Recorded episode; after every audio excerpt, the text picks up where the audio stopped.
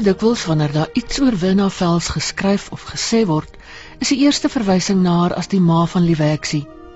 Maar die skepper van die geliefde karaktertjie wat al dekades vir kinders van alle ouderdomme plesier verskaf en in verskeie media gestalte gekry het, is veel, veel meer as dit. Winna was die eerste vroue direkteur wat die SAIK ooit aangestel het. Sy het haar onderskei in daardie pos vanweë die hoë standaarde wat sy gestel het vir jeug- en kinderprogramme. En dit is standaarde wat sedertdien myns insiens beswaarlik weer geëwenaar is. Alles wat Werna Vels aanpak, doen sy soos 'n perfeksionis dit sou doen. Net die beste is vir haar goed genoeg die standaarde wat sy stel vind neerslag in al die programme wat sy self geskryf het, vervaardig het, aangebied het by radio en by televisie. Die veteraan uitsaaier en oud kollega Rian Kruiwagen. Werner vertel hoe dit alles begin het. Uh die snaaks is uh die radio was nie my eerste uh, idee nie, sal ek nou maar sê. Ek wou wel 'n joernalis word, maar ek het vir al die koerante en tydskrifte geskryf en almal wou mense hê wat nou al 'n bietjie ondervinding het. Toe het 'n vriend van my opstel uh, op op uh, Pretoria by Tikkies uh Louis Strauss. Dis sê hy vir my, "Maar hoekom gaan jy nie liewer SAIK toe nie?" Toe sê ek, "O, jene nee, mense kom nie daar in nie. Hoe doen mense dit?" Hy sê nie maar jy gaan net vir 'n vir 'n onderhoud en 'n audisie en dan hoor jy maar wat gaan aan. En toe het ek nog ek onthou by Paul Fouché. Hy was toe wat ons genoem die organiseerder in in Noord-Transvaal in Pretoria gewees. En ek steun na hom toe en ek het die hele audisie gedoen. Dit was nog al 'n taamlike ding hoor. Daar was vreeslik baie algemene kennis vra. Jy weet jy moet jou musiek en jou geskiedenis en letterkunde oor alles het dit gegaan. En dit was hier Augustus van my laaste jaar. Niks gehoor nie en niks gehoor nie. En toe November kom, ek onthou ek het my laaste vak geskryf. Dit was die derde Engelse vraestel. Toe kom roep hulle my te sê hulle daar's foon en ek dink ag, wat is dit nou weer? Toe is dit Kosie Jooste hier van die SAIK in Johannesburg. Toe sê hy, hulle het na my audisie geluister en of ek uh, gewillig sou wees indien hulle sou besluit om my aan te stel of of, of ek gewillig sou wees om in Durban te gaan werk. En toe het ek vir hom gesê ja, jy weet absoluut en so aan. Maar om 'n lang storie kort te maak, op die 1 Desember van daai jaar, 1954, het ek by die SAIK in Durban ingeloop. En ek vertel altyd toe ek so inloop het dit vir my regtig gevoel asof ek huis toe gekom het. Ek onthou dit nog soos gister. Die plek het 'n sekere soort atmosfeer gehad, jy weet wat wat ek nooit vergeet het nie. Ja. Nou ek was toe aangestel as wat hulle toegenoem het ehm um, programassistente, plateprogram opsteller. Nou ek het nie eintlik geweet wat een van die twee beteken nie, maar die een deel van my werk was in die diskoteek, uh, letterlik plateprogramme opstel. Die die assistent was 'n omroeper maar hulle het nie vrouens omroepers genoem in daai dae nie. Ons was programassistente. Werna het 'n baanbrekersrol vervul in die uitsaaiwese. Sy was een van die vroue wat uitgestyg het, een van die min vroue wat werklik uitgestyg het tot heel bo. As ek dink aan tydgenote soos Monica Breed wat 'n ander een is wat hoog uitgestyg het, Susan van Wyk nou al ter siele. Ehm um, maar Werna het as 'n junior omroeper of programassistent dink ek het hulle hulle destyds genoem begin uitsaai in Durban as ek dit nie mis dit nie en sy het haarself opgewerk tot bestuursposisies sy het werklik baanbrekerswerk gedoen om vir vroue ook ruimte in die uitsaaiwese te skep. Wina was een van die eerste vroue wat die radio nuus in Afrikaans gelees het. Kan ek baie goed onthou. En dit was waarskynlik hier in die 60er jare jy word as 'n baanbreker bestempel vanweë die groot verskeidenheid goed wat jy gedoen het. Hoe voel jy oor daai etiket as ek dit so kan noem? Wel eintlik is dit vir my baie lekker want eh, dit is nou een ding wat die radio veral jou bied. Is dat daar omtrent nie iets is wat jy nie kan doen nie. Ek dink al wat vrouens nog nie gedoen het nie is om rugby uit te saai. Maar verder is dit omtrent kan jy enige ding doen. En uh, ek het nou ook half in enige ding begewe. Jy weet, ek het daar vir die eerste keer 'n uh, kinderprogramme gedoen. Maar 'n bietjie later na ek nou want ek was 9 jaar in Durban voor ek Johannesburg toe is.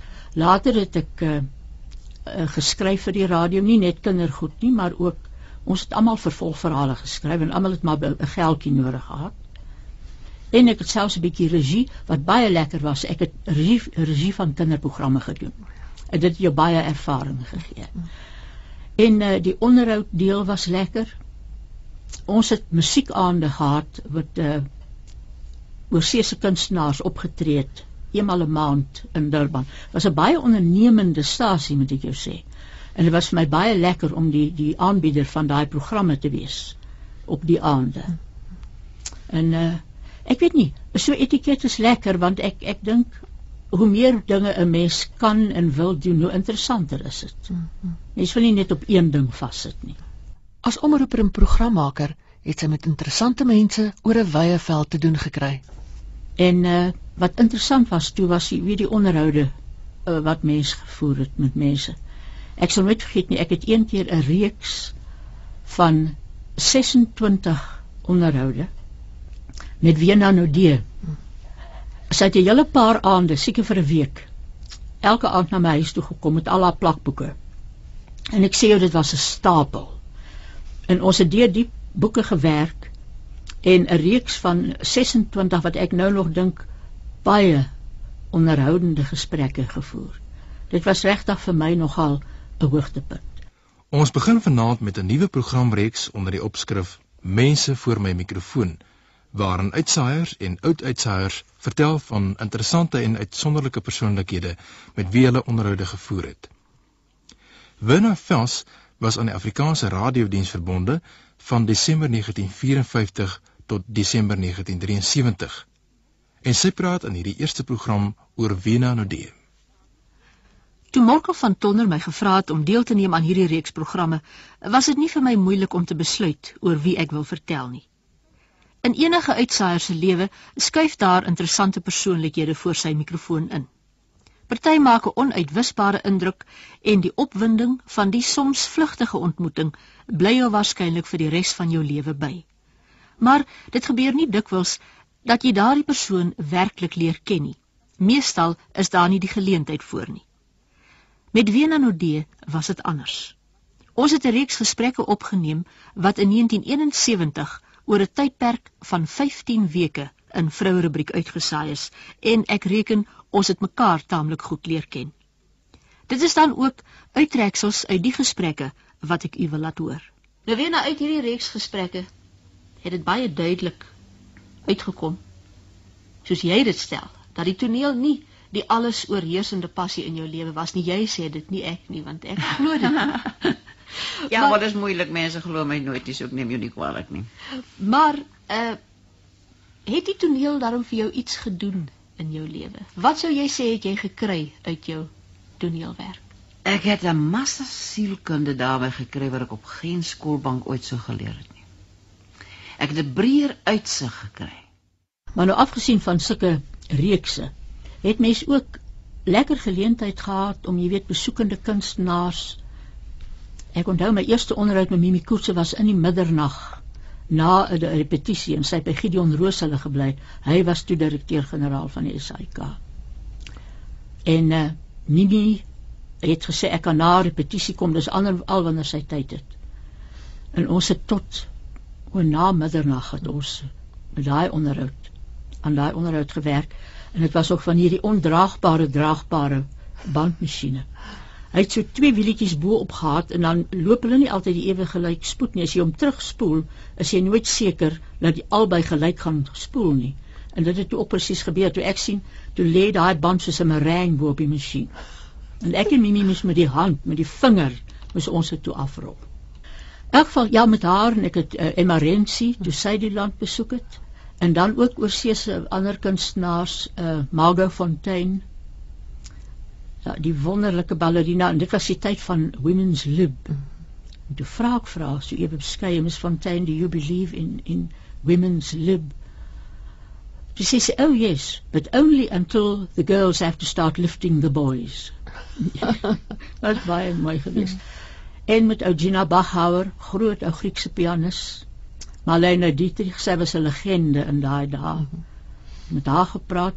En dan die jaar toe ek in Holland was, het ek met uh, Adrian Roland Holst, die ou groot digter en hulle groot sangeres Gry Brownstein. Ag, daar was 'n klomp, mense kan hulle so opnoem en dit was elke keer 'n wonderlike ervaring. Daar was ook 'n onderhoud met die beroemde sopraan Elisabeth Schwarzkopf. Ja, Elisabeth Schwarzkopf, uh, kyk ek sê altyd ek stry glad nie oor haar nie. As iemand nie van haar sang hou nie, is dit hulle skade, nie myne nie. Maar dit was nogal 'n ervaring. Uh sy was toe in die ou president hotel, was sy ingesetel en uh, mense het afsprake gehad. En ek en Wouter de Wet was was saam. En uh, dit was toe uh, haar groot opera optrede was seker maar der Rosenkavalier. En toe ons dit was so vroeg aand toe ons daar aankom, toe het Wouter 'n pragtige mooi blom rykertjie laat maak, so die regte weense rykertjies. Het hy daarmee aangekom en toe ons so inloop, toe sê sy: "Ah, der Rosen Kavalier" en ek en ek en Wouter kry byna 'n floute. maar uh, nee, dit was 'n baie lekker onderhoud. Uh sy was baie vriendelik en ek moet sê haar haar uh, PR werk was was baie goed want na die tyd het mense het hulle dit nogal gepos vir mense baie mooi foto van haar wat sy aan jou in geteken het. Mm, mm. Myne se ink het nou al verbleik, maar dit is tog 'n baie lekker aandenke. En van verskeidenheid gepraat, hier voer we na 'n onderhoud met die destydse Springbokkaptein Dawie de Villiers. Uh, Dawie, wat doen 'n Springbokkaptein nou afgesien van die feit dat jy 'n span moet aanvoer? Wanneer daar is verskil wat sy pligte betref uh op 'n toer en wanneer die toer, wanneer die wedstryde plaaslik gespeel word. Op 'n toer is die verantwoordelikhede van die kaptein veel meer as plaaslik. Ehm um, hy is verantwoordelik vir die span en uh hy is ook verantwoordelik om op te tree namens die span. Daarom is dit sy uh onaangename taak om al die toespraakies te hou en um, om ook deel te hê saam met die afrigter in die voorbereiding van die span vir die wedstryde. Word jou vrou nie kwaad as jy nou so met die uitgebreide toere weg is en sy moet alleen agterbly nie? Wanneer ja, dit is 'n moeilike vraag. Ek is net dankbaar uh, dat sy my nog toelaat om te toer en ek moet sê dat uh, dit alleen vir my moontlik is om te toer omdat ek haar ondersteuning in hierdie verband geniet. En wanneer dit vir my dikwels te swaar word nog van haar kant die aanmoediging kry om maar deur te byt. Uh ek dink alleen so kan 'n mens met vrymoedigheid gaan toer wanneer dit van die vrou se kant af ook ehm um, die onder wanneer die ondersteuning van haar kant af ook kom. Het julle al ooit die kans gehad om saam 'n bietjie te gaan toer? Nee, uh, nou nog nie in die buiteland nie, maar dit bly ideaal. Moontlik sal ons dit eendag kan verwesenlik. En toe kom televisie. Ek was ek was net 'n jaar in Durban. Uh, Morkel van Tonner het my nog oorgeplaas toe John van der Berg afgetree het toe ek daar organiseerder gewees van die Afrikaans program. Ek was net 'n jaar daar. En toe kom ek terug. Dis televisie. Toe begin hulle met die beplanning. Ek het die voorafpratery vir jare aangegaan, maar toe nou die fisiese beplanninge toe begin. En uh, ek moet sê ek het in my lewe nog nooit so hard maar so lekker gewerk nie. Ek dink nie ek het vir 'n jaar een aand voor 11 of 1 uur selfs in die môre by die huis gekom het nie. Want jy weet ons moes letterlik uit niks en ons moes eers 'n kursus doen. Dit was baie goed. Hulle het baie goeie lektore gehad, party van die ou BBC mense. En dan jy 'n 3 of 'n 4 maande, kan nie meer onthou nie. Kursus moes jy doen om daarmee basiese goed te leer. En dan het elke een wat van ons wat toe daar was, het toe 'n afdeling gehad. Ek was toe organiseerder joernaalprogramme maar dit het alles ingesluit. Kinderprogramme, letterlik joernaalprogramme, dokumentêr, tot die nuuslesers moes ons soek. Televisie was vreemd en vertelle 'n bedreiging. Ja, o, dit het die kykkas van die duiwel genoem en ek weet nie wat als nie. Ek weet nie hoekom uh, ons so laat begin het nie. En die mense, hulle het bedreig gevoel hoor, veral mense oor oor kinderprogramme. Ons moes 'n hele konferensie reël om te sê dat ons nie kleuterskole se werk gaan doen nie allermins kyk enige goeie kinderprogram het 'n bietjie opvoeding in hom maar ons het nooit ons ek sê formele opvoeding gegee nie totdat die opvoedkundige programme ingekom het maar met die gewone vermaak het ons nie gedurf waag om om vir kinders te leer tel of lees of sulke goed Jy kon wel storieetjies maak met kleure en met vorms, maar dan nou, heg jy dit aan 'n storie en so aan. Maar mense was baie gou bedreig toe ons Pippi Lankhous uitsaai. Het baie vrouens, uh, dames veral het gebel en gesê hulle gaan sorg dat ek persoonlik in die pad gesteek word want hoe kan ons so ding uitsaai, so kind sonder enige dissipline? Maar dit was 'n paar want ek dink hulle het heeltemal die die die die humor in Pippi Lankhous het hulle misgekyk. Een vrou het gesê dat nou net klim haar seentjie teen die gordyne en goed op. Sê ek maar mevrou, dan moet jy sy agterwêreldjie warm slaap. As bestuurder kon wy na die beste uit mense haal. 'n Oud kollega, Monica Breed. Soos ek haar ken, sy is altyd iemand wat bereid is om die mens wat vir haar werk in ag te neem. En sy ondersteun hulle meer as net met idees en om vir hulle leiding te gee in die soort programme wat hulle gaan doen. Sy weet wat hulle persoonlike probleme is of uh, eienskappe wat hulle nou self moet leer om te beheer voor die kamera of voor die mikrofoon. En sulke mense is rar, want baie mense is net baie base, as ek dit so stel. Is net voorskrifklik. Dit is hoe jy dit doen, dis my manier en dit is hoe ek dit gedoen wil hê maar sy het hulle toegelaat om hulle eie skepende vermoëns ook in te span, maar as dit te ver gaan, dan het sy hulle weer weet eh, geleer hoe om te dissiplineer, hoe om jou eie wonderlike blink idees te dissiplineer en prakties uitvoerbaar te maak.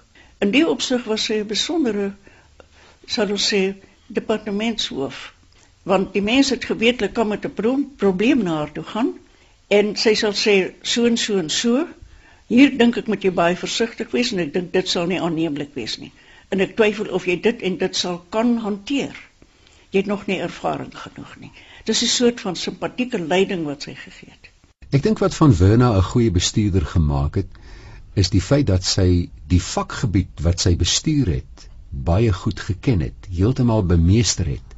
Presies geweet het wat sy van haar mense kan verwag en dan op 'n ferm dog beskaafde wyse uit haar personeellede gehaal het wat sy van hulle verwag het.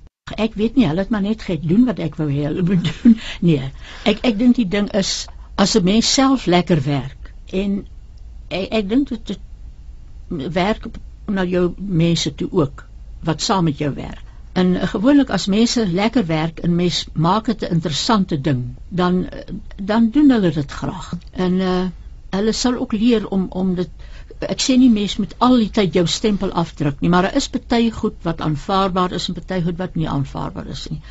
En dit snaaks hulle leer dit ook baie gou. Ehm uh, ek het nooit probleme gehad dat mense nie wou doen uh, wat 'n mens wou hê hulle moet doen nie, jy weet. Want ek dink in elk geval as mens uitsaai toe kom of dit nou radio of televisie is, kom jy omdat jy wil en omdat dit vir jou lekker is. En die gevolg is dat gewoonlik is is goeders wat jy moet doen vir jou lekker. Partymal is dit 'n bietjie sloer werk, dit is waar. Die enigste ding is wat wel vir my soms 'n bietjie swaar was, was omdat jy later in bestuursposte ingegaan het, het jy verder weggegaan van die goed wat jy die graagste doen. Ander mense moes dit nou vir jou of namens jou doen. En dit was vir my partymal nogal swaar. Daarom was dit vir my so lekker om my hand in te hou byvoorbeeld by raad ag by televisie by Willie Wali. Jy weet daai middag was Benny Boekwurm se middag. En, en want jy so 'n bietjie weggekom uit die kantoor en uit die administrasie. Maar hoe kies 'n mens tussen radio en televisie as jy jou hele lewe daaraan gewy het? Wel ek kies swaar. Ek weet nie mense wat net by televisie was, jy weet daar het later mense gekom wat net televisie ken, soos wat daar mense is wat net radio ken. Hmm maar omdat ek albei geken het is albei uh, vir my ewe uitdagend. Televisie uh, net in sy wese is meer ingewikkeld want dit vat meer mense om 'n program te maak. Radio was vir my altyd so wonderlik. Ek het altyd gesê gee my 'n bandmasjien in 'n dag of 2 en ek sal waarskynlik 'n lekker program kan maak. En ek dink dit is op 'n manier my eerste liefde lê by radio want ek het altyd so gedink jy kan regtig jou eie ding daar doen. Dit hang net af van jou wat wat jy daarmee doen. Jy weet en jy kan uh, jou jou liefhebberye kan jy uitleef by radio. Radio is 'n is 'n is 'n baie wonderlike medium. Dit is werklik want hy is nie so passief. Televisie kan nogal baie passief wees. Kyk, radio, jou kyk, ag jou luisteraar moet tog ook in sy kop 'n prentjie vorm. Met ander woorde, sy verbeelding werk saam. En uh, televisie is dalk nou nie altyd so nie, maar ek veralgemeen nou sommer. Maar maar al wat ek wil sê is is moeilik om te kies tussen die twee. Maar radio was altyd op 'n manier my eerste liefde.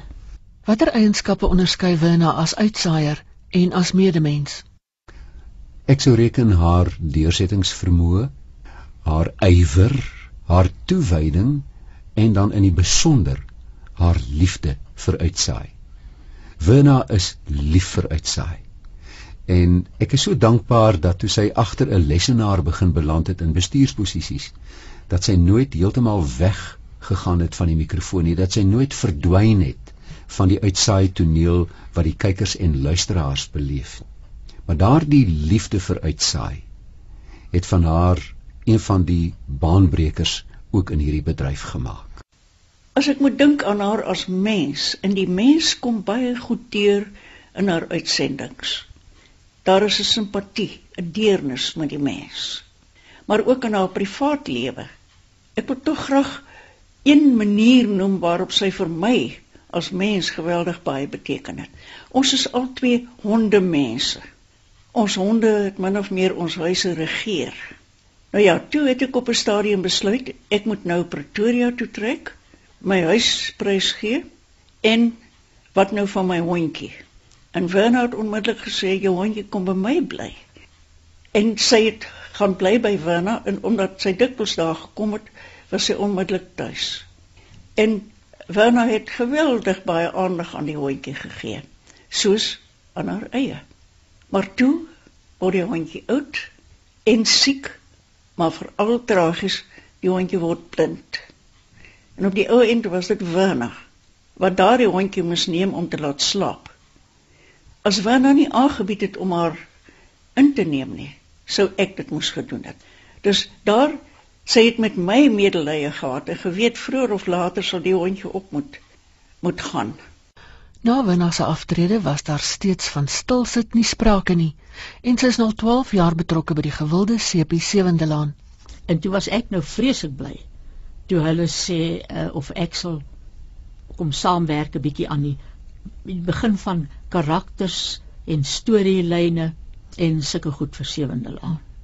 En uh, ek kan nie glo nie, dit is nou al 12 jaar dat Sewende Laan op die lug is. Later het, het kyk hulle kry later hulle skrywers in, hulle werk aan die storielyne en dinge. En uh, toe het hulle gevra of ek uh, toesighoudende regisseur sou wees. In Engels sê hulle box producer. Toe het ek gesê ja, maar 'n ou pensionaris wil haar nie te vasbind nie. Ek sal 2 dae 'n week want dit is nogal intensiewe werk. En uh, ek is nog al die tyd daar. Ek het gesê as ek nou begin 'n bietjie funny raak, kan hulle my maar wegjaag. Maar uh, maar ek geniet dit verskriklik. Maar iets wat min mense van haar weet is dat wanneer sy oor see reis, sy veral begrafplaase besoek. Dit is vir haar 'n besondere interessante belewenis om deur 'n Europese begrafplaas te stap en te kyk of sy die naam teekom van een of ander bekende, of dit 'n skrywer of 'n dramaturg of 'n komponis of 'n wat ook al is. En op die manier het sy al op besonder interessante grafte en grafskrifte afgekom. En dit op sigself is 'n besonder boeiende onderwerp om met haar te bespreek. En een van die dinge van saamreis as 'n mens kollegas uh, is en veral as jy vir die radio werk, waar uitsprake van so groot belang is, dan kry jy 'n verwysingsveld. Jy leer hoe om daai name uit te spreek want jy was daar, jy het gehoor hoe die mense hulle dorpe, hulle stede se name uitspreek. En dit is, was vir ons vreeslik 'n 'n goeie ding om om om aan te hoor. En ons het ook presies geweet hoekom ons na sekere plekke toe wil gaan uh, byvoorbeeld 'n plek so San Antonio in Texas want daar het 'n beroemde veldslag plaasgevind in die Amerikaanse geskiedenis. En ons wou die die oorblyfsels as dit ware van die Alamo vesting sien. Ek dink uh, reis is seker my mees geliefkoeste stokperd en as mens sê die geld gehad het maar ek het altyd gesê in my jonger dae was ek maar voortdurend op fly now pay later, jy weet. Maar uh, ek weet nie dit klink seker nou geëik om dit te sê, maar maar reis is regtig 'n ding wat jou horisonne verbreek. Al jou vooropgestelde idees oor mense dink ek kry daar 'n slag, want dan besef jy, jy weet, alle mense is interessant, lande is interessant. Party miskien 'n bietjie meer as die ander, maar en ek dink jy leer ook om met 'n oop gemoed te gaan reis. Moenie met 'n klomp vooroordeele kom nie. Maar af afsien daarvan is dit so 'n stimulerende ding. Dit is so interessant en jy's heeltemal weg uit jou uit jou eie milieu. Jy leer regtig ander mense en ander dinge ken. Nee, is 'n is 'n wonderlike verrykende ervaring. 'n Ander besondere eienskap van Werner is dat sy totaal pretensieloos is. Al het sy hierdie enorme teenwoordigheid wat die Engelse presence noem wanneer sy by 'n vertrek instap.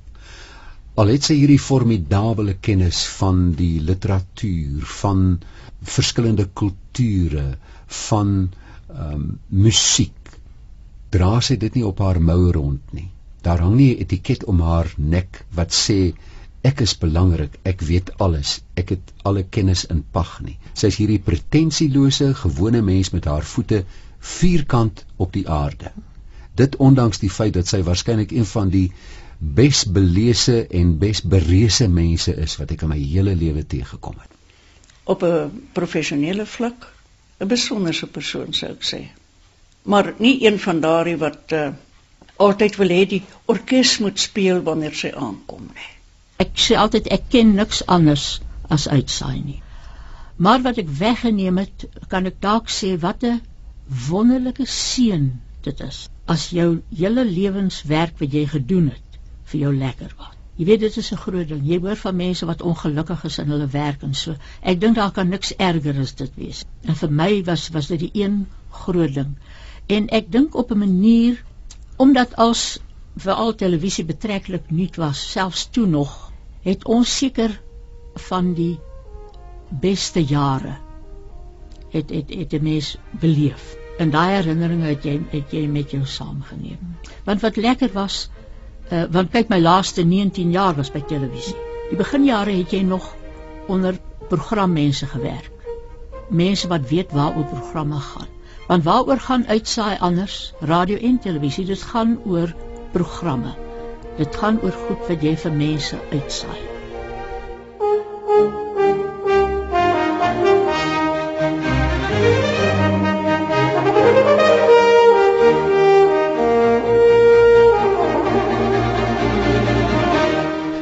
Die voorbeeld is saamgestel met dank aan Wenna Vels, Monica Breed, Rian Kruiwagen en die SAIK se klankargief. Die samesteller en aanbieder was Ina Strydom.